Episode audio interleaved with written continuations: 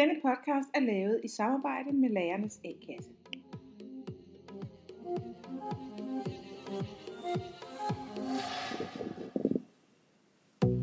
Velkommen til Stemmer fra skolen. Jeg hedder Hanne Højnicke og er lærer i Hvidovre. Og jeg hedder Rikke Bundsgaard, underviser på lavedansen i Jelling. Forleden aften der gik jeg en tur sammen med en rigtig dygtig lærer, som jeg kender. Og øh, hun spurgte mig, Hanne, hvad har du gang i med Stemmer fra skolen for tiden? Og så siger jeg, jeg arbejder lidt med feedback. Og så tog hun så til hovedet. I sådan lidt, åh nej, der, det skal jeg faktisk også ligesom have gjort noget ved. Og det, vi, har, vi har kastet os over det, fordi jeg nemlig også havde det sådan, åh nej, det skal vi også have gjort noget ved. Det der feedback, det er ret vigtigt, ved vi jo. Øh, vi har talt med Ben Sortkær, som øh, har skrevet en Ph.D. ved DPU, som hedder Feedback, elevperspektiver og ulighed i skolen. Ja, og det er det her perspektiv med ulighed, kan man sige, der, der er i fokus hos Ben Sortkær, fordi han viser blandt andet, at elever, som kommer fra øh, lavere socialt stillede hjem, kan man sige, de oplever ikke at få den samme type feedback som børn i middelklassen. Ja. Mm. Og det er jo ret problematisk, fordi så øh, lærer de måske heller ikke det samme som, som øh, de andre børn. Ja. Så har vi også øh, været på besøg hos en helt nyuddannet lærer. Mette Daggaard. Og hun fortæller lidt omkring, hvad er det for nogle udfordringer, hun møder i forhold til det der med at give feedback. Og så har hun også et helt konkret eksempel på, hvordan hun øh, har lavet en feedback til sin 8. klasse, som hun underviser. Så velkommen til Stemmer fra skolen.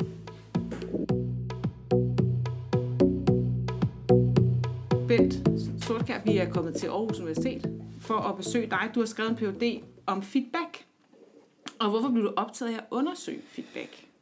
Øh, feedback har interesseret mig længe, og det har to, altså det, det tager bund i to afgrunde. En, at jeg er folkeskolelærer, og der, der har jeg altid set de der interaktioner i klasserummet som helt essentielt for læring og for elevernes udvikling.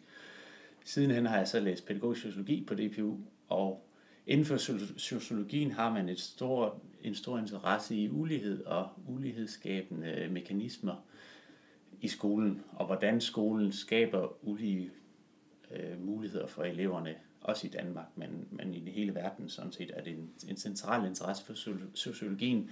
Og kombinationen af en lærerbaggrund, hvor jeg har stor erfaring inden for klasseværelset og undervisning, kombineret med den her sociologiske øh, interesse for ulighed, lidt mig på sporet af at undersøge, hvordan en hverdagsinteraktion som feedback er, hvordan eller om den kan være ulighedsskabende. Altså oplevede du det selv, da du var lærer hvor du tænkte? Nej, det var nej, overhovedet nej. ikke. Altså kun bevidstheden om, at øh, alle børnene, uanset fagligt niveau, har brug for interaktioner med læreren og kontakt, og mm. både positivt og negativt, men hjælpe på vej og blive set, sådan helt uh, grundlæggende. Uh, og så det er først med de teorier, som sociologien har givet mig, jeg, jeg har taget et par briller på, der hedder, hvordan kan de her interaktioner, eller kan de være ulighedsskabende i undervisningen? Hvordan undersøgte du det? Øh, jeg har øh, nørdet lidt inden for de kvantitative metoder, øh, så jeg udfordrede lidt i øh, den, nej, hvordan skal man sige det, øh, hvor andre i Danmark typisk har gået ind i klasselokalet eller i børnehaven og så snakket med en enkelt klasse eller enkelte børn i en børnehave, så tænker jeg, at hvis vi skal kunne sige noget om ulighed i sådan bredere forstand og noget, der kan repræsentere hele Danmark, så kunne man undersøge, om en kvantitativ tilgang kunne gøre det. Så det, jeg gjorde rent konkret, det var at udarbejde et spørgeskema, mm. hvor jeg spørger ind til, hvordan de oplever interaktionerne med læreren, hvordan de oplever lærerens hjælp, om de oplever, at læreren guider dem, om de oplever, øh, hvis de går i stå, om læreren ligesom på en eller anden måde hjælper dem videre i ved den problematik, de sidder med. Og ved at stille de her spørgsmål, så øh, til 1100 elever i øh, 8. og 9. klasser i det meste af Jylland, så og ved at kigge statistisk på det, og med, med statistisk metode, blev det muligt for mig at se nogle mønstre i besvarelserne. Og det er mønstre, jeg ikke ville kunne observere, hvis jeg var inde i to-tre klasselokaler, men fordi at jeg spørger så mange, så observerer jeg nogle mønstre, øh, som vi vender tilbage til lige om lidt gå ud fra, men, men i hvert fald ja, systematiske forskelle i, øh, hvor meget og hvilken type feedback de oplever at få fra læreren. Mm. Og det vil sige, at mit perspektiv har hele tiden været elevernes, øh, og det er ikke sådan, jeg ikke interesserer mig for, hvad læreren gør, eller hvad læreren tænker, men i det her, de her studier, så har jeg udelukkende interesseret mig for, hvordan eleverne oplever det, lærerne gør og siger. Øh, og der kan selvfølgelig godt være en diskrepans, og det, det vender jeg tilbage til senere, men uagtet hvad læreren gør, hvis eleverne oplever det forskelligt, så vil jeg påstå, at, at der bliver tilbudt ulige mulighedsrum for læring for de her elever. Men det er også deres oplevelse, der skal være i fokus i undervisningen, kan man sige ja. generelt. Netop, netop. Så det er jo egentlig ja. meget godt. Du snakker om to forskellige feedback-former. Ja. Kan vi ikke lige få dem på det rene til at starte med? Ja, det ene studie, jeg kigger eller undersøger, der kigger jeg på to typer feedback. Og, øh, og det er nogle typer, der er beskrevet i noget litteratur, men der er også meget litteratur, der ikke, der ikke differencierer på den her måde, men på andre måder. Øh, Begge typer feedback er, hvad man i en dansk kontekst vil kalde den formative, altså en feedback, der hjælper eleverne videre. Men jeg skældner i forhold til, hvordan de hjælper eleverne videre. Og den ene type feedback kalder jeg direktiv feedback, og den anden feedback-type kalder jeg faciliterende feedback. Ordene er stjålet fra engelsk forskning, så det er min oversættelse, men den direktive er i høj grad sådan en type feedback, der der guider eleverne, men på sådan en måde, at det er læreren, der langt hen ad vejen fortæller eleverne, hvad de bør gøre næste gang. Mm. Altså, hvis du anvender Pythagoras, så vil du få svaret. Altså giver dem guidning til at komme videre, men stadigvæk en hjælp fremad mod et resultat. Den faciliterende feedback derimod øh, er i langt mindre grad lærerstyret. Det kan godt være lærer initieret, men det er ikke læreren, der kommer med løsningen på, hvordan man overvinder den problematik, man sidder med. Øh, så det er i højere grad små hints til eleven, såsom øh, prøv at tænke tilbage på, hvad vi lavede sidste uge i matematikundervisningen. Mm. Er der noget her, der kunne hjælpe dig videre? Eller prøv at tænke på, hvad vi snakkede om i geografi i forholdet, øh, hvad hedder det, undervisningsgang. Er der noget her, der kan hjælpe dig videre? Sådan at det bliver i sidste ende lærer, eller eleven selv, der kommer med løsningen og, og, og, og måden at finde svaret på. Øh, og man kan sige, at begge typer feedback, det har jeg ikke en empirisk svar på, mit bud er, at de begge er lige gode til at hjælpe eleven frem mod svaret. De gør det bare på forskellige måder. Mm. Jeg tænker, altså nu, nu er jeg jo skolelærer, ja. og jeg tænker, at den, den sidste, du beskriver, at det er sådan en, der tager lidt længere tid. Det tror jeg også. Det tror jeg også. Så, øhm. så, så der er sådan noget pragmatisme i det i forhold til, hvilken type, de, altså hvilken slags feedback læreren anvender. De kan ikke mm. altid bruge den der faciliterende. Det, det, det prøver jeg ikke at påstå. Men det, altså der er min interesse er, det er, om alle elever bliver tilbudt den faciliterende feedback, og, mm. i, og i lige høj grad. Og hvad er det så, din undersøgelse har vist nemlig? Jamen, I den, det ene studie, hvor jeg bruger de to typer feedback, der viser det sig, at lærerne i lige høj grad tilbyder eleverne faciliterende feedback, altså lige, lige ofte. Og, og, øh, men hvis vi kigger på den faciliterende feedback, så de elever, jeg kalder dem øh, elever fra velstående hjem. Altså det, det er målt på deres socioøkonomi og deres kulturelle, øh, hvad hedder det? Kapital. Kapital, ja. ja. Øh, de elever, som kommer fra de hjem, som har en høj del socioøkonomi og kulturel kapital, de oplever få mere af den type feedback, der hedder faciliterende feedback. Mm. Men er det ikke også fordi, den, jeg tænker, altså nu ser jeg det, jeg læser det 100% med, med lærerøjne, at man har jo, altså de her børn, de kommer også fra en familie, hvor når de har skulle have morgenmad, nå, hvad vil du gerne have? Vil du have, vil du have jordbæryoghurt, eller vil du have brød? Og, nå, okay, men du kan også døbe brødet ned i jordbæryoghurten, det var da en god idé. Eller, man har en samtale omkring alt, hvad man laver fra middelklassen og op. Øh, ja. Øh, så det er jo også, øh, og den der samtale er jo også meget vigtig i sådan en feedback-situation. Ja, netop, ja. Ikke? Så, altså... og, og det er netop den teoretiske ramme, jeg prøver at forklare det. Ja, altså rent empirisk, det jeg finder, det er de forskelle, og så er jeg selvfølgelig blevet nysgerrig på, hvordan kan man forklare de her forskelle. Øh, og hvordan er de opstået, som du siger? Er det ikke mm. fordi, at nogle elever i langt højere grad er i stand til at, at kommunikere på den her måde, som, som faciliterende feedback kalder på? Øh, og der, der, der er nogle spændende undersøgelser, mest amerikanske undersøgelser, men undersøgelser, der viser, at opdragelse i langt højere grad er sådan en, øh, det er langt højere grad, øh, hvad hedder det, øh, hvad hedder det, men negotiating. Men man øh, forhandler? Og at samtale. den, den amerikanske forskning viser i langt højere grad, at man forhandler om, om mange ting, som du siger. At, mm. at man bliver ikke bare fortalt, hvad man skal gøre. Øh, den amerikanske forskning bliver lidt sort-hvid, fordi den kigger på middelklasse kontra arbejderklasse eller de mm. fattige. Så, så det er lidt en, måske en anden distinktion, end vi kan lave i Danmark, men alligevel synes jeg, at man kan genkende nogle ting, og, og det kan i hvert fald give en forklaringsramme til, hvordan er det opstået. Øh, så, så det har jeg været nysgerrig på at læse ind på, og hvor den arbejderklassen, eller hvad de kalder den fattige, øh, de fattige i USA, de i langt højere grad bliver opdraget af deres forældre til at, at altså direktioner, de får at vide, nu skal du gøre sådan, nu skal du gøre sådan, hvor der ikke er forhandling involveret. Mm. Og, og den er lidt, har været lidt interessant at koble sammen med de resultater, jeg så har fået, at, at det sådan set er de samme ting, jeg finder en forskel i.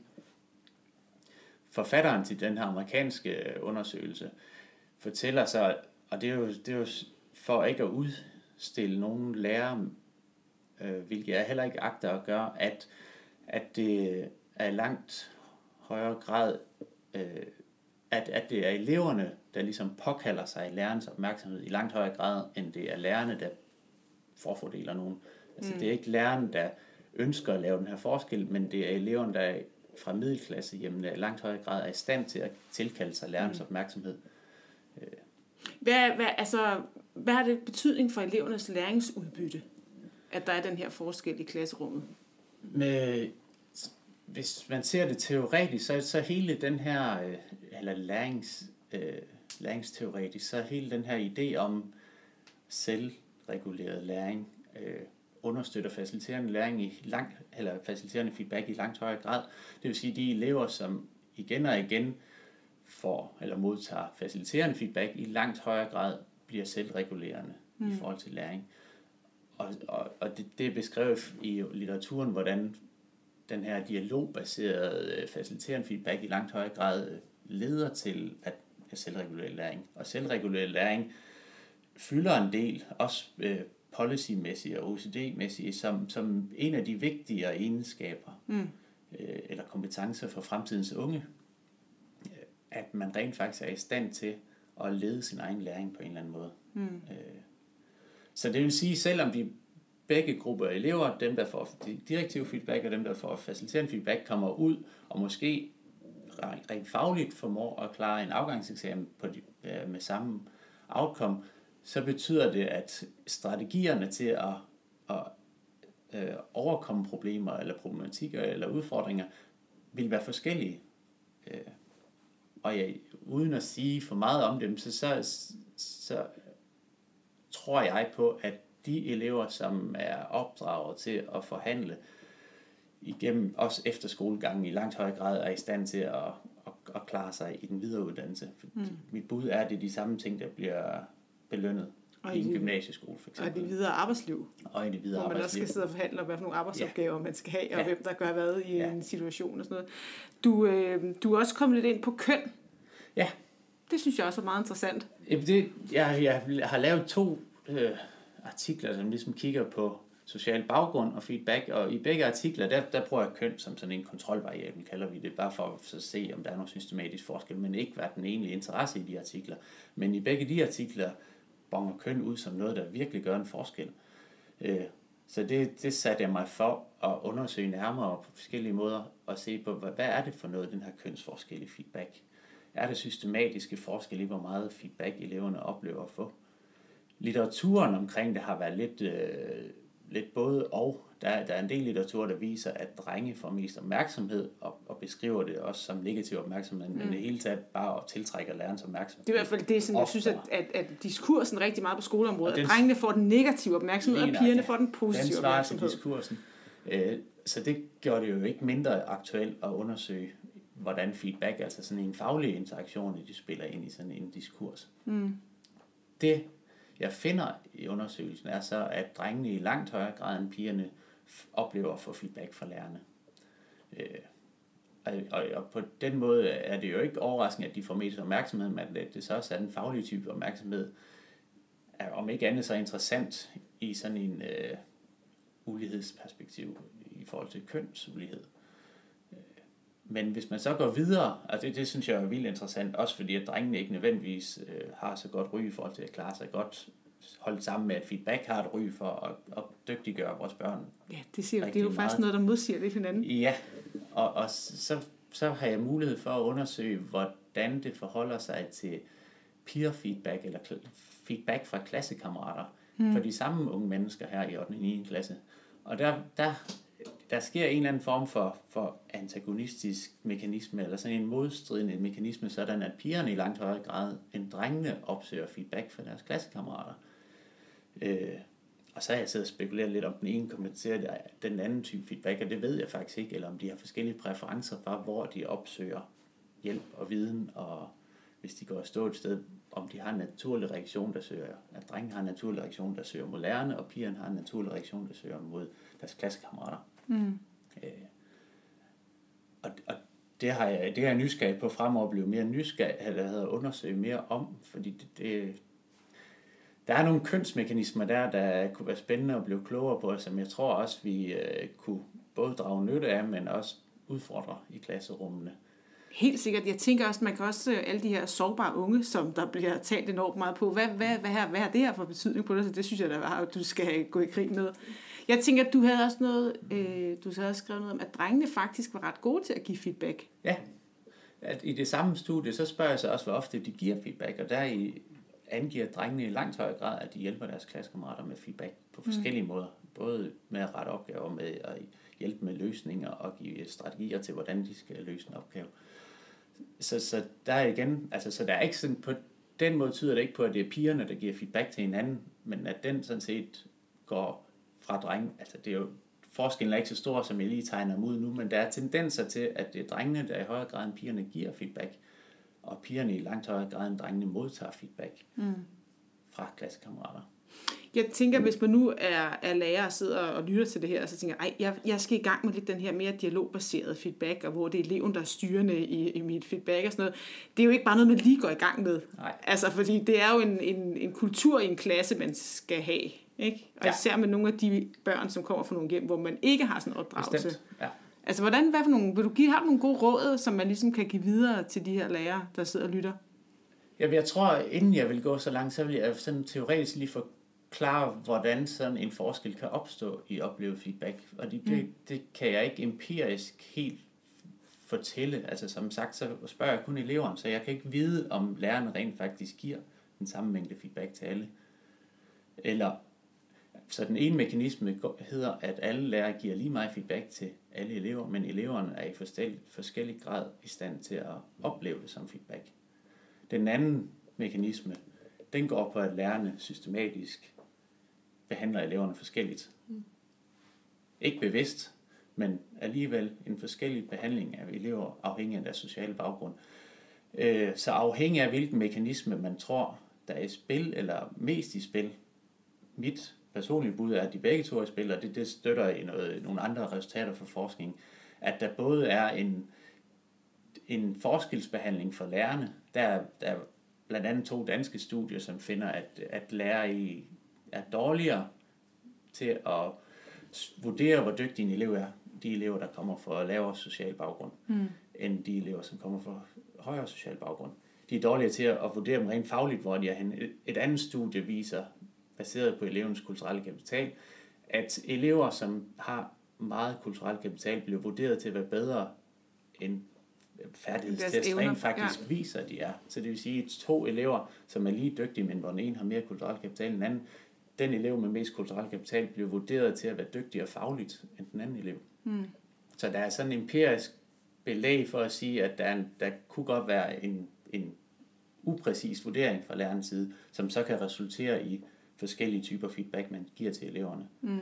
Den anden mekanisme, den, den forklarer jeg mest teoretisk, men for eksempel Pierre Bourdieu, en fransk sociolog, kigger på, på sproget i skolen, er middelklassens skole. Det er sådan et Ja. argument, og det, det skaber ulighed. Øh, og argumentet er så, at middelklasse børnene i langt højere grad er i stand til at forstå det, læreren siger. Mm. Altså rent faktisk afkode det, som den feedback, den er, hvorimod det han kalder arbejderklassen, i mindre grad er i stand til at afkode det. Så det vil sige, uagtet at læreren rent faktisk giver den samme information, den samme feedback til begge grupper elever, så vil middelklassen, hvis man spurgte dem, sige, at vi fik masser af feedback, hvorimod arbejderklassen vil sige, at vi fik ikke så meget feedback. Mm. Så det er de to mekanismer. Hvis vi kigger på den mekanisme, der hedder, at eleverne oplever at få forskellige feedback, selvom læreren faktisk giver den samme mængde feedback, så er der studier, der viser, at øh, hvis man rent faktisk træner eleverne i at få feedback, altså det er ikke noget, man kan forvente, de kan. Man kan træne dem i det, både at afkode, hvad der bliver sagt, men også, hvordan det skal anvendes, og hvordan eleven kan indgå i en dialog, som du siger, i feedback, øh, hvad hedder det, situationen, situationen så ja. man, man får mere eller mere udfordrende feedback ud af den. Eller, så det, det er sådan fokus på eleven. Der er rent faktisk, det er rent faktisk muligt, måske endda nødvendigt at træne eleverne mm. i at modtage feedback. Øh, den anden del af det, hvis det er lærernes øh, vurdering af eleven, altså sådan et, så, så eleven giver forskellige typer feedback, så øh, er der et, et ret fantastisk amerikansk studie, der viser, hvordan man ved at lære, altså give rum for, at lærer og elev kan lære hinanden at kende. Det lyder meget basalt, og det synes man, man gør som lærer i en dansk folkeskole. Men spørger ind til hobbyer og forskellige baggrundsinformationer, ved at man på den måde og det går begge veje, så eleven lærer læreren at kende, og læreren lærer eleven at kende. Ved at man laver den, den udlevning, eller de finder hinanden, hvor man er hen, så giver det en fremgang både på lærer-elev-interaktioner, som kunne være feedback, og også på deres øh, faglige præstationer, hvis man sammenligner med en kontrolgruppe, mm. som ikke får den her øh, introduktion til hinanden. Det er jo helt den der sådan, sociale relation, man skal have med sine elever, ja. der er bare så guld værd på alle ja. mulige parametre. Ja. Ikke? Ja. ja, som bliver understreget ja. der. Og den har jeg sådan trukket ind i mine studier som sådan en what to do, hvad kan vi gøre i forhold til, hvis, hvis det rent faktisk er tale om, at lærerne vurderer eleverne forkert, og dermed giver en, en feedback, der måske ikke lige er tilpasset eleven. Mm. Grunden til, at jeg siger det der med at vurdere, det er fordi, at alle mine øh, modeller, de viser, at, at der er en klar forskel i forhold til øh, med mængden og type af feedback, og så hvor dygtige eleverne er. Øh, det, altså, det er jo noget af det, sådan, de der tests, som vi altså, mange lærer rigtig meget mod, måske så kan vise, at nogle af de her elever faktisk kan mere ja, i en ja, testsituation, ja, end når vi bare ja, sidder og snakker med ja, dem. Og, ja. Altså, fordi jeg tror, alle lærere har oplevet det der med at tale et barn ihjel nærmest. Ja. Ikke? Altså, man kan bare se, at de bare bliver mere og mere mhm. døde i øjnene. og man prøver at snakke dem, kom nu, kom nu med i samtalen, og så siger man bare opgive det og gå. Ikke? Altså, ja. Det tror jeg, alle lærer kan gengive, eller jeg kan i hvert fald. Det er ligesom vores særlige øh, evne at tale meget. Men hvad hedder det? Var der noget i det her, som du har oplevet, eller opdaget nu her i din PhD, som musik, det gad jeg faktisk godt have vidst, dengang jeg var lærer? Øh, ja, jeg tror hele, altså jeg, jeg kan ikke huske fra lærerseminaret, da jeg selv læste til lærer, at der var fokus på social ulighed, forstået som at behandle elever forskellige i relation til deres sociale baggrund. Mm. Øh, og mit kort, jeg, jeg har været i et kort ophold i USA på universitet, hvor de så også, der har de universiteter og, og læreruddannelsesstederne sammen, hvor, hvor, hvor et af de eksplicite ting, de skal i alle fag på læreruddannelsen, det er at forholde sig til ulighed. Og det er selvfølgelig en helt anden kontekst i USA og en helt anden historik, men jeg synes, det, altså bagudrettet, så, så tænker jeg, at godt jeg kunne have brugt, eller alle lærere kunne have brugt en eller anden form for fokus på, hvordan skolen er ulighedsskabende. Og jeg ved godt, der skal ske mange ting på de der fire år på læreruddannelsen. Men en eller anden form for fokus, når man alligevel skal trække på forskningsviden, så kunne man også trække på nogle forskningsstudier, der mm. påpeger, hvordan skolen kan eller er ulighedsskabende i Danmark.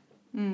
Øh, så jeg, altså, jeg synes, det kunne være spændende med den viden, jeg nu har, at gå tilbage i klasselokalerne og så se, øh, er det noget, man kan observere, er det noget, man er bevidst om. Om ikke andet, så tror jeg, bevidstgørelsen om, at de findes, de her mekanismer, at det kan gøre noget godt. Ja. Altså bare, bare det at få blik for elevernes forskellige oplevelser af det, man siger. Altså mm. det er helt sådan en simpel ting, som at når jeg giver en instruktion, og det ved man jo godt som lærer, men så oplever de en forskellig. Nogle oplever det slet ikke. Nogle glemmer det to sekunder efter, og nogle de poster bagefter. Det har jeg aldrig hørt. Mm. Og det burde jo kalde på, at man i langt højere grad indtog, kalder jeg det indtog, tager elevernes perspektiver. Altså i, i det hele taget spørg ind til efter en, det kunne, en undervisningsgang eller efter en feedback-situation, spørg ind til, hvad fik du ud af det, vi snakkede om? Hvordan forstod du det? Mm. Og, og, jeg, og problemet ved at sidde her på DPU som forsker, er den her praksisverden, som lærerne er i, at, at nu kan jeg godt lyde som om, det bør man lige gøre, men jeg kender jo godt øh, lærerverdenen, og jeg ved godt, alle de andre ting, de også lige bør gøre i løbet Ja. af 45 minutter. Ja. Øh, Men, og det, det Så ved det vi jo alle det jo sammen godt. Og det er du sindssygt, jeg har fået stress nærmest, da jeg lavede det her podcast, fordi alle de ting, jeg ikke får gjort i mit, i mit daglige liv, som jeg nu pludselig ved alt muligt om og sådan noget. Så det er jo ikke, det er jo ikke for at banke folk oven i hovedet, at vi Bestemt laver det her, men det er jo bare vigtigt, at man tænker den her ulighed, fordi skolen er bare et middelklassested, skabt af middelklassen til middelklassen. Ja. Og vi har også lavet tidligere en podcast omkring øh, skolehjemsamarbejdet, og det viser også det Ja, samme, at det er ja. virkelig svært for de her øh, forældre fra, fra, øh, fra arbejderklassen at komme med Ja. i det her skolehjemsamarbejde for eksempel. Og sådan noget, ikke? Så øh, der, er der er jo rigtig mange gode øh, pointer i at kigge på uligheden, som vores øh, elever er en del af et samfund, hvor der er en Ja, ulighed. ja. Og det kan vi ikke se os fri fra. Nej. Men også at måske have en systematik omkring sin feedback. Ja. Øh, og have nogle tanker, for det er også den lærer, vi taler med senere i udsendelsen, der fortæller noget omkring den systematik. Enig. Mm. Og så, så for, altså, når vi kommer til de her, hvad implikationer får det så, at, at det er så nemt at have fokus på eleverne og lærerne, men jeg tror også, man skal finde, øh, gøre en indsats på et policy-niveau, og, øh, og det, det beskriver de blandt andet i britisk forskning, hvor alle det her test og øh, accountability, det, her, det er i højsædet, at det kan være vanskeligt at indføre en feedback-kultur i en folkeskole, fordi at presset på resultaterne, de overskygger mm. øh, lysten eller energien til at komme ind i den her faciliterende feedback, eller feedback i det hele taget. Så, så i den forskning for, for England, der beskriver de det som, som modstridende kræfter, at det kan være svært at dyrke en, en feedback-kultur, hvis policypresset er for hårdt på accountability og test mm. hele tiden. Fordi på en eller anden måde er de modstridende.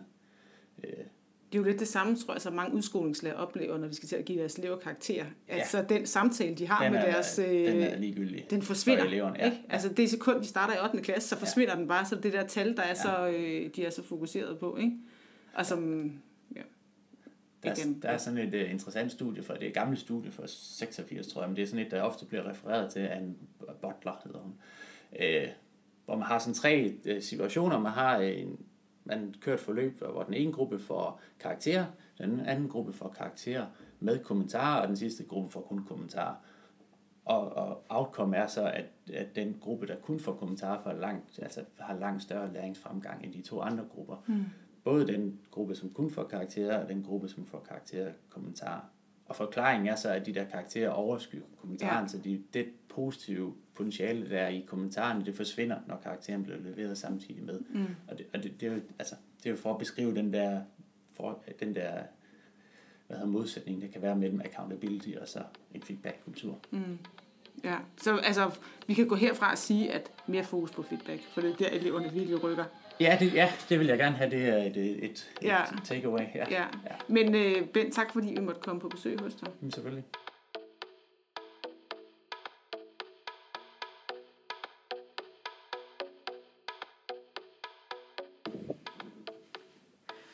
Da vi skulle lave den her udsendelse, så skulle vi jo bruge en lærer, der skulle forholde sig til den her forskning om feedback. Det gør vi jo altid i stemmer fra skolen.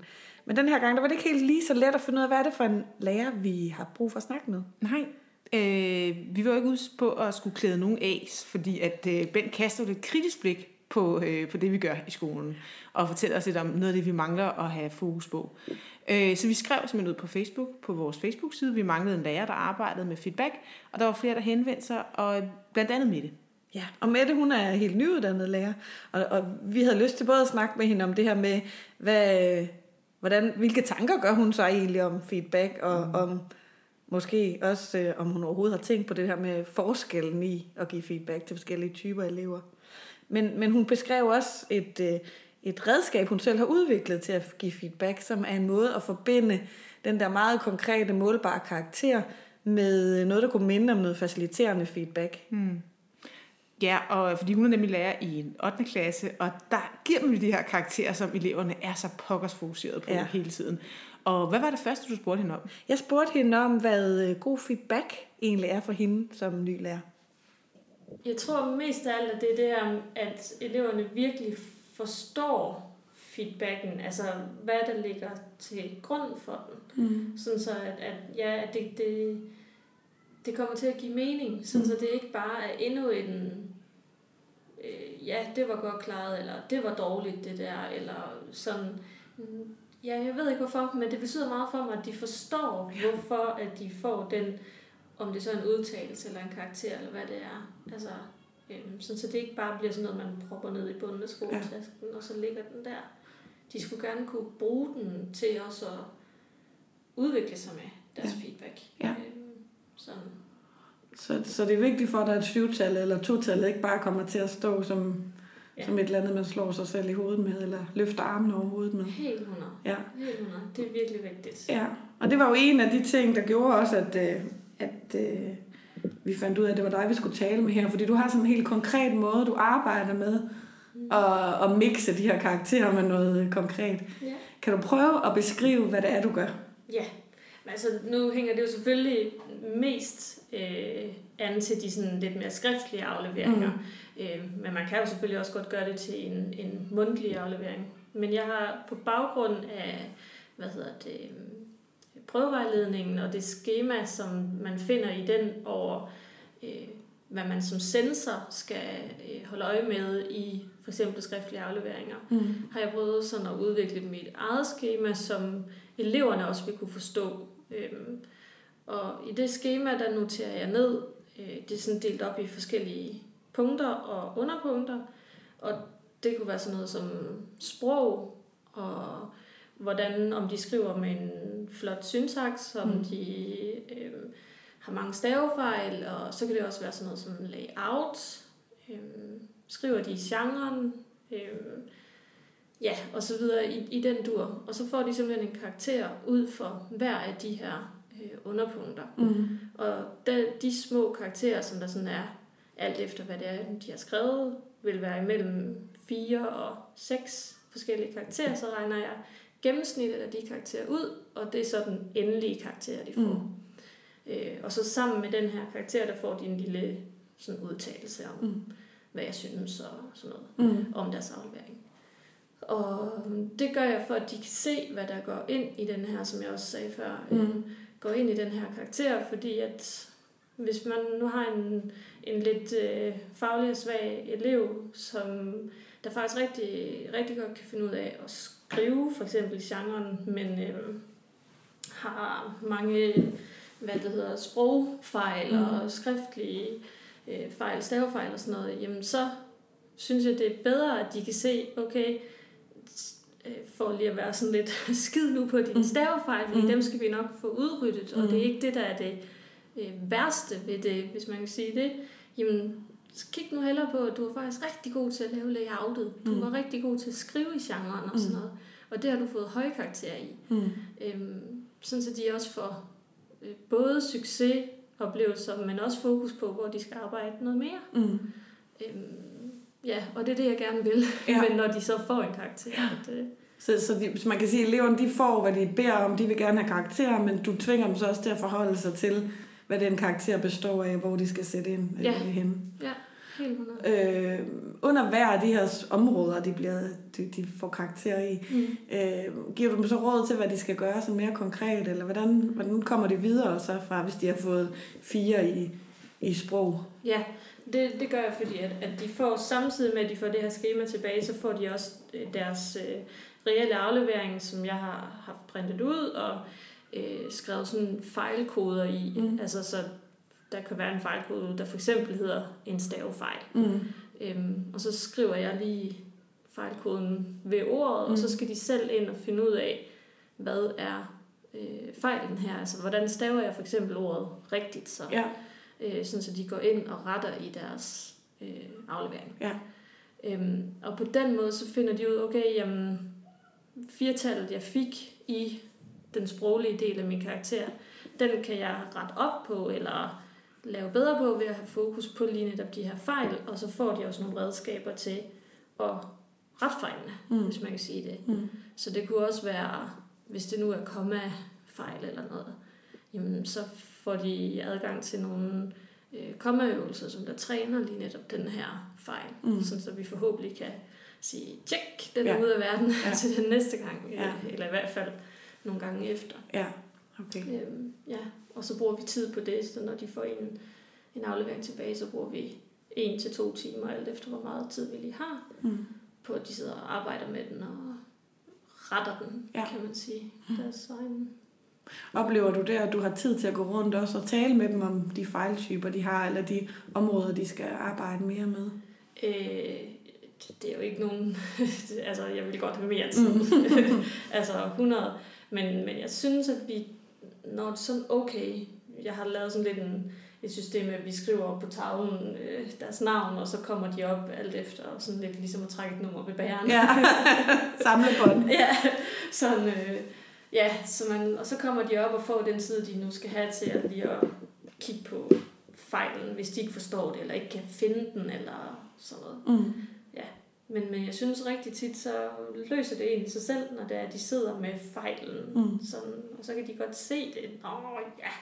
Ja. Jamen, det var jo dumt. Det Ja. ja. der, ikke? Og Ja. Altså sådan, Så man kan sige, at nogle af snakkene har du i virkeligheden også med dem på papiret. Ja. Altså, eller de kan tale med sig selv ud fra Ja. noget af det, du har øh, vejledt dem og med hinanden. Ja. Altså, det, det oplever jeg også, at de gør. Altså sådan, at ej, jeg, jeg forstår bare overhovedet ikke den her fejl. Og så, ej, men det er jo bare... Og så, Ja. Ja, kører det stille og roligt øh, ved hinanden Ja. også. Øhm, ja.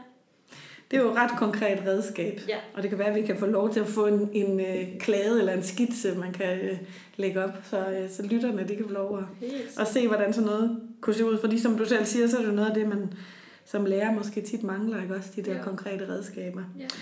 Ja. Øhm, vi har jo i den her udsendelse talt med Bent Sortkær, som, som har lavet en undersøgelse i sin PhD, der viser, at, at, øh, at ulighed, der er i skolen, den bliver nogle gange forstærket i forbindelse med feedbackgivning. Og noget af det, han, han øh, peger på, det er, at elever med en, en lavere social baggrund end andre oplever at få mindre feedback end deres klassekammerater. Mm. Øhm, og det har vi jo også talt lidt om. Og, vil du prøve at sige lidt, hvad, hvad du tænker om det? Kan du, kan du øh, genkende sådan et mønster, at der er nogle elever, som måske ikke får øh, i så høj grad en faciliterende feedback som deres klassekammerater?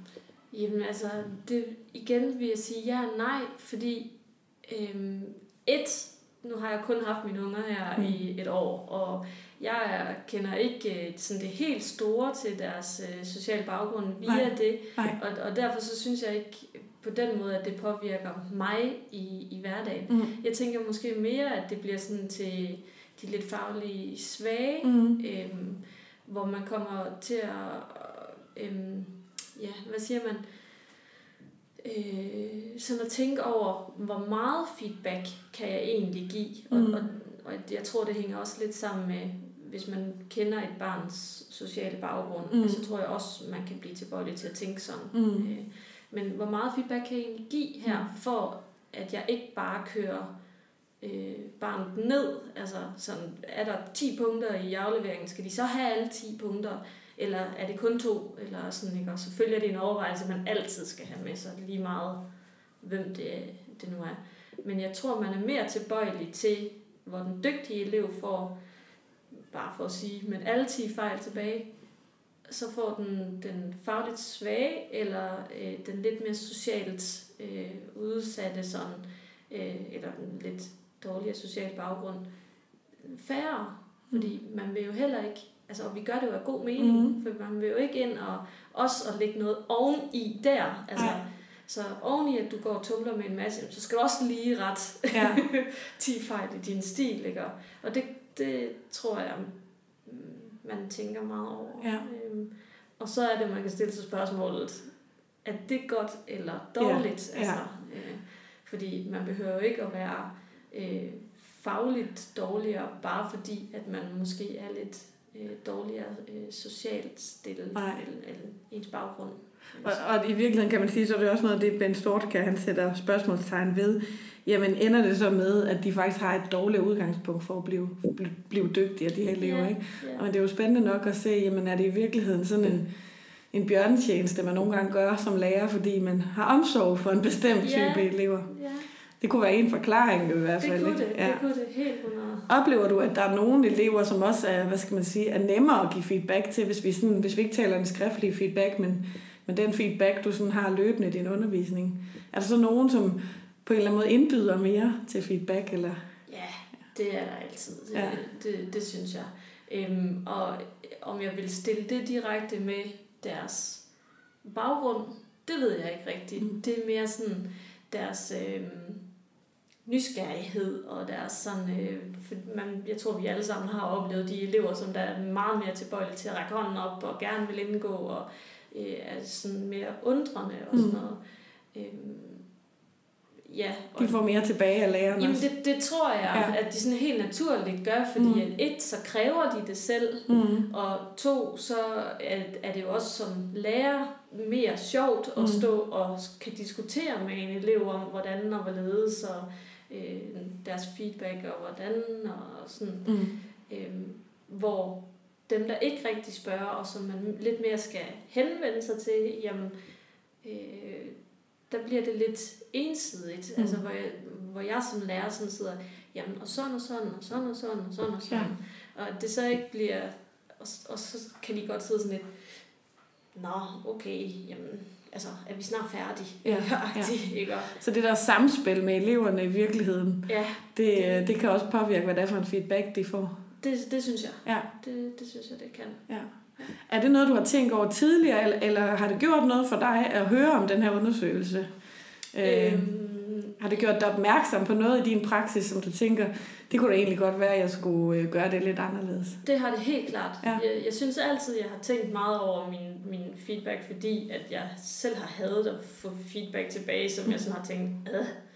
Øhm, men, men helt klart øh, at læse øh, hans forskning, og, og sådan, det har i hvert fald gjort, at, at jeg begynder at tænke mere over, øh, hvordan henvender jeg mig til mine elever, sådan rent feedbackmæssigt. Ja. Øhm, og, og hvordan gør vi det også bare mm, i hverdagen. Ja. Altså bare de der små øh, stumper af feedback, som der jo også kommer. Ja, så man ikke nødvendigvis tænker over at Ja. til stede. Ja, og at, at de også har deres øh, værdi. Ja. Øhm, sådan. Så det er ikke sikkert, du giver op så let næste gang, du oplever en elev, der Nej. gerne bare vil videre, når du, når du vil drøfte øh, noget fagligt stof med, med ham eller hende. Nej. Helt sikkert ikke. Okay. Mette, tak fordi at du vil være med i Stemmer på skolen. Det var så lidt. Rikke, jeg synes, den her udsendelse, eller de her samtaler, vi har haft øh, i den her udsendelse, viser så tydeligt, at skolen er lavet af middelklassefolk til middelklassen. Ja, det er lidt skræmmende. Ja, det er det. Og det er altid vigtigt lige at få et spejl sat op. Det er nemlig ret godt. Jeg synes, øh, noget af det, det, det, vi også har fået øje på i begge samtaler, det, det er det her med, at der er nogle elever, der i højere grad indbyder til, at man giver feedback, og det er jo nok middelklasses øh, forældres børn, ikke? Altså, som sådan inviterer ind til feedback og gerne vil, og selv kan stille spørgsmål og alt sådan noget. Og så er der den der type, som Mette sådan meget fint illustrerer, som, som ikke kan komme hurtigt nok væk fra feedback. Ja, alle dem, der går under radaren. Ja. Det er jo også øh, hovedsageligt dem, hvor man skal lære dem, at feedback er noget positivt. Ja. At feedback ikke bare er, at der er noget, man ikke har fået gjort ordentligt, men at feedback er en udvikling. Og, og man også kan få en masse ros der, ikke? Jo. Og jeg synes, noget af det, som Ben Sort kan pege på, det er det her med, at feedback faktisk skal trænes. Mm. Det er ikke altså, nødvendigvis noget, eleverne kan på forhånd, men, øh, men faktisk en metode, som, som man, man med fordel kan træne. Og det synes jeg egentlig, Mettes øh, bud er, er rigtig godt til det, ikke? Og hun viser Og ligesom... det, hvor hun skriver koder i den Ja. skriftlige aflevering og sådan noget. Ja, Ja, og hun ligesom siger, at det her, her er noget, du skal være opmærksom på. Nu skal du prøve selv at undersøge, hvordan kunne du løse det, mm. ikke? Så den bliver, selvom den er skriftlig, bliver jo øh, faciliterende i Ben Sortkærs Mm. ånd der. Ja. Men øh, hvis du sidder herude som lytter, og du også er lærer, og du tænker, jeg skal have mere fokus på feedback, så øh, have det her perspektiv med uligheden, og have det her perspektiv med de to feedback-former. Ja. I hvert fald. Og Det vil jeg i hvert fald selv tage videre med. Det tænker jeg også er noget, jeg vil have med. Selvom det er voksne, jeg har med at gøre, så kan det også spille ind der. Tak fordi I lyttede med.